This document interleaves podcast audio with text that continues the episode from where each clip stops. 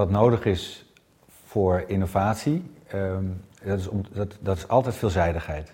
Ja. Veelzijdigheid van de groep, dus dat het heel veel verschillende mensen zijn. En veelzijdigheid van de deelnemers. Als een deelnemer heel veel verschillende hobby's heeft, dan kan hij heel veel bijdragen aan innovatie, omdat hij gewoon hele andere referentiekaders heeft dan de rest. En, eh, dus veelzijdigheid is de basis van, van, van, van innovatie.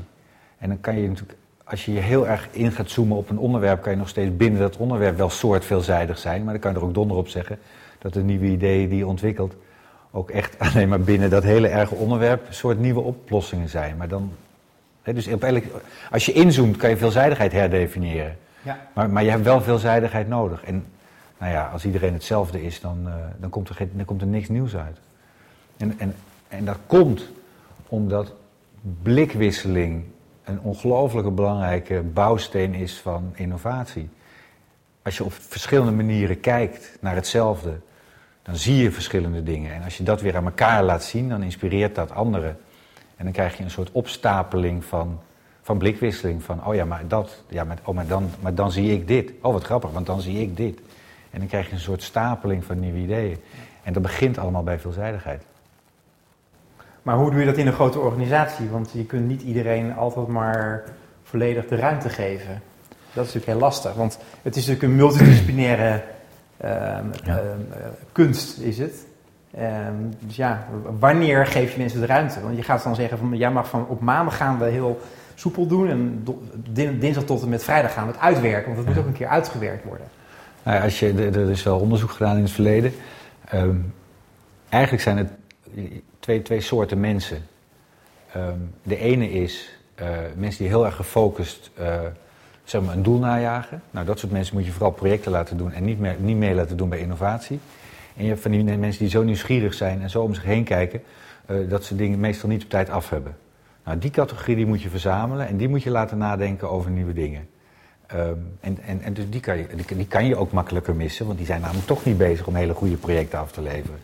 Dus die kan je goed met elkaar in gesprek laten gaan. En dan, en dan gebeurt er wat. En, en dat is binnen de organisatie.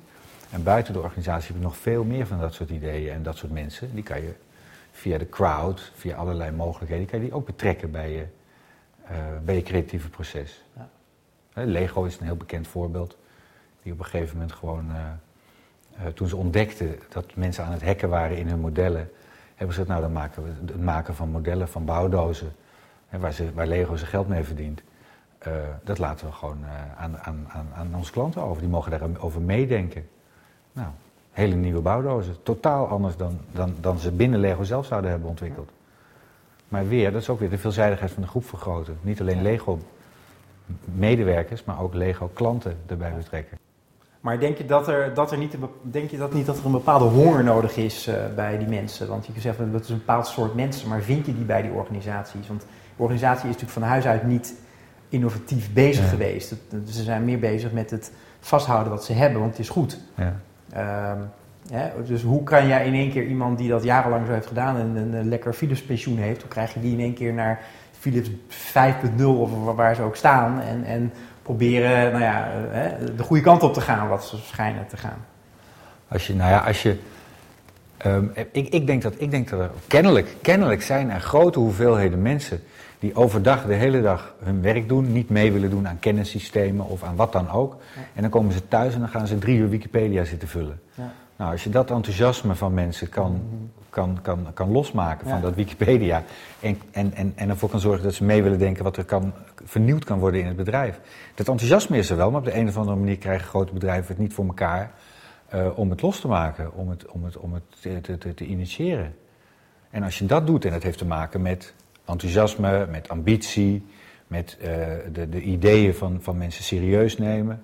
Als je een klankbord krijgt, als iemand anders roept, ja wat een leuk idee dan, en die gaat erop door, dan krijg je die mensen in beweging. Als je roept, eh, hou op, niet doen, past niet in het businessplan, dan sla je ze dood. Dan is dat niet precies het tegenovergestelde van wat je bij, bij eh, Quint eh, eh, zou moeten, wat je bij Quint doet per saldo, methode en processen, dingen, mensen in een methode en een proces plaatsen. Want is- je hebt ook collega's die Nou, ja. heel goed in zijn. Wij hebben, wij, hebben, wij hebben een aantal collega's, we hebben best veel collega's die heel goed zijn in, in die projecten waar we het net over hadden. Van zorgen ervoor dat deze verandering wordt, wordt doorgevoerd. En, en, en doe dat. Dat kunnen, dat kunnen we zo verschrikkelijk goed dat klanten ons bellen van wil je alsjeblieft bij ons een opdracht komen doen. Maar een deel daarvan is natuurlijk ook van ja, maar hoe ga je nou echt veranderen en, en, en wat zijn de nieuwe mogelijkheden, wat zijn de nieuwe concepten?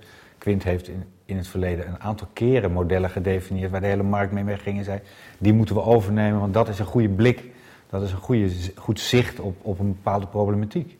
En de kunst is om die twee te combineren. Je moet nieuwe ideeën hebben en vervolgens moet je die ideeën ook kunnen uitvoeren. Nou, daar heb je verschillende mensen voor nodig. Ja. En de kunst is om de juiste mensen de juiste dingen te laten doen. Lijkt een beetje op, uh, op het Higgs-deeltje. Hè? Er, je, moet, je moet bepaalde uh, actie voor elkaar krijgen ja. om dat ene uh, sparkje voor elkaar te krijgen. Ja. En dat moet je dan ook nog een keertje zien.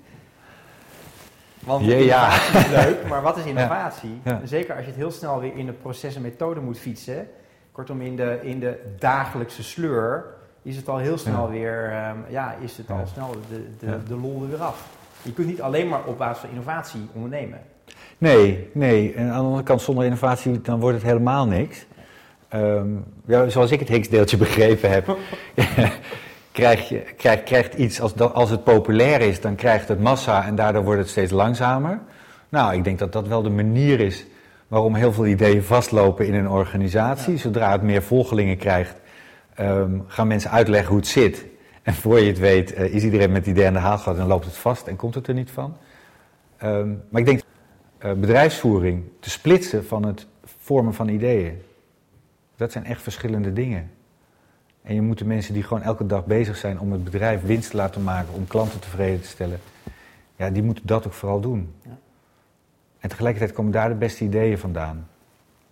Dus laat ze daar ook maar een beetje, geef ze de ruimte. Een, een, een goede ideeënbus, een uh, 2.0 versie. Het zou zeker heel erg helpen. En er is bijna geen bedrijf meer die het heeft volgens mij.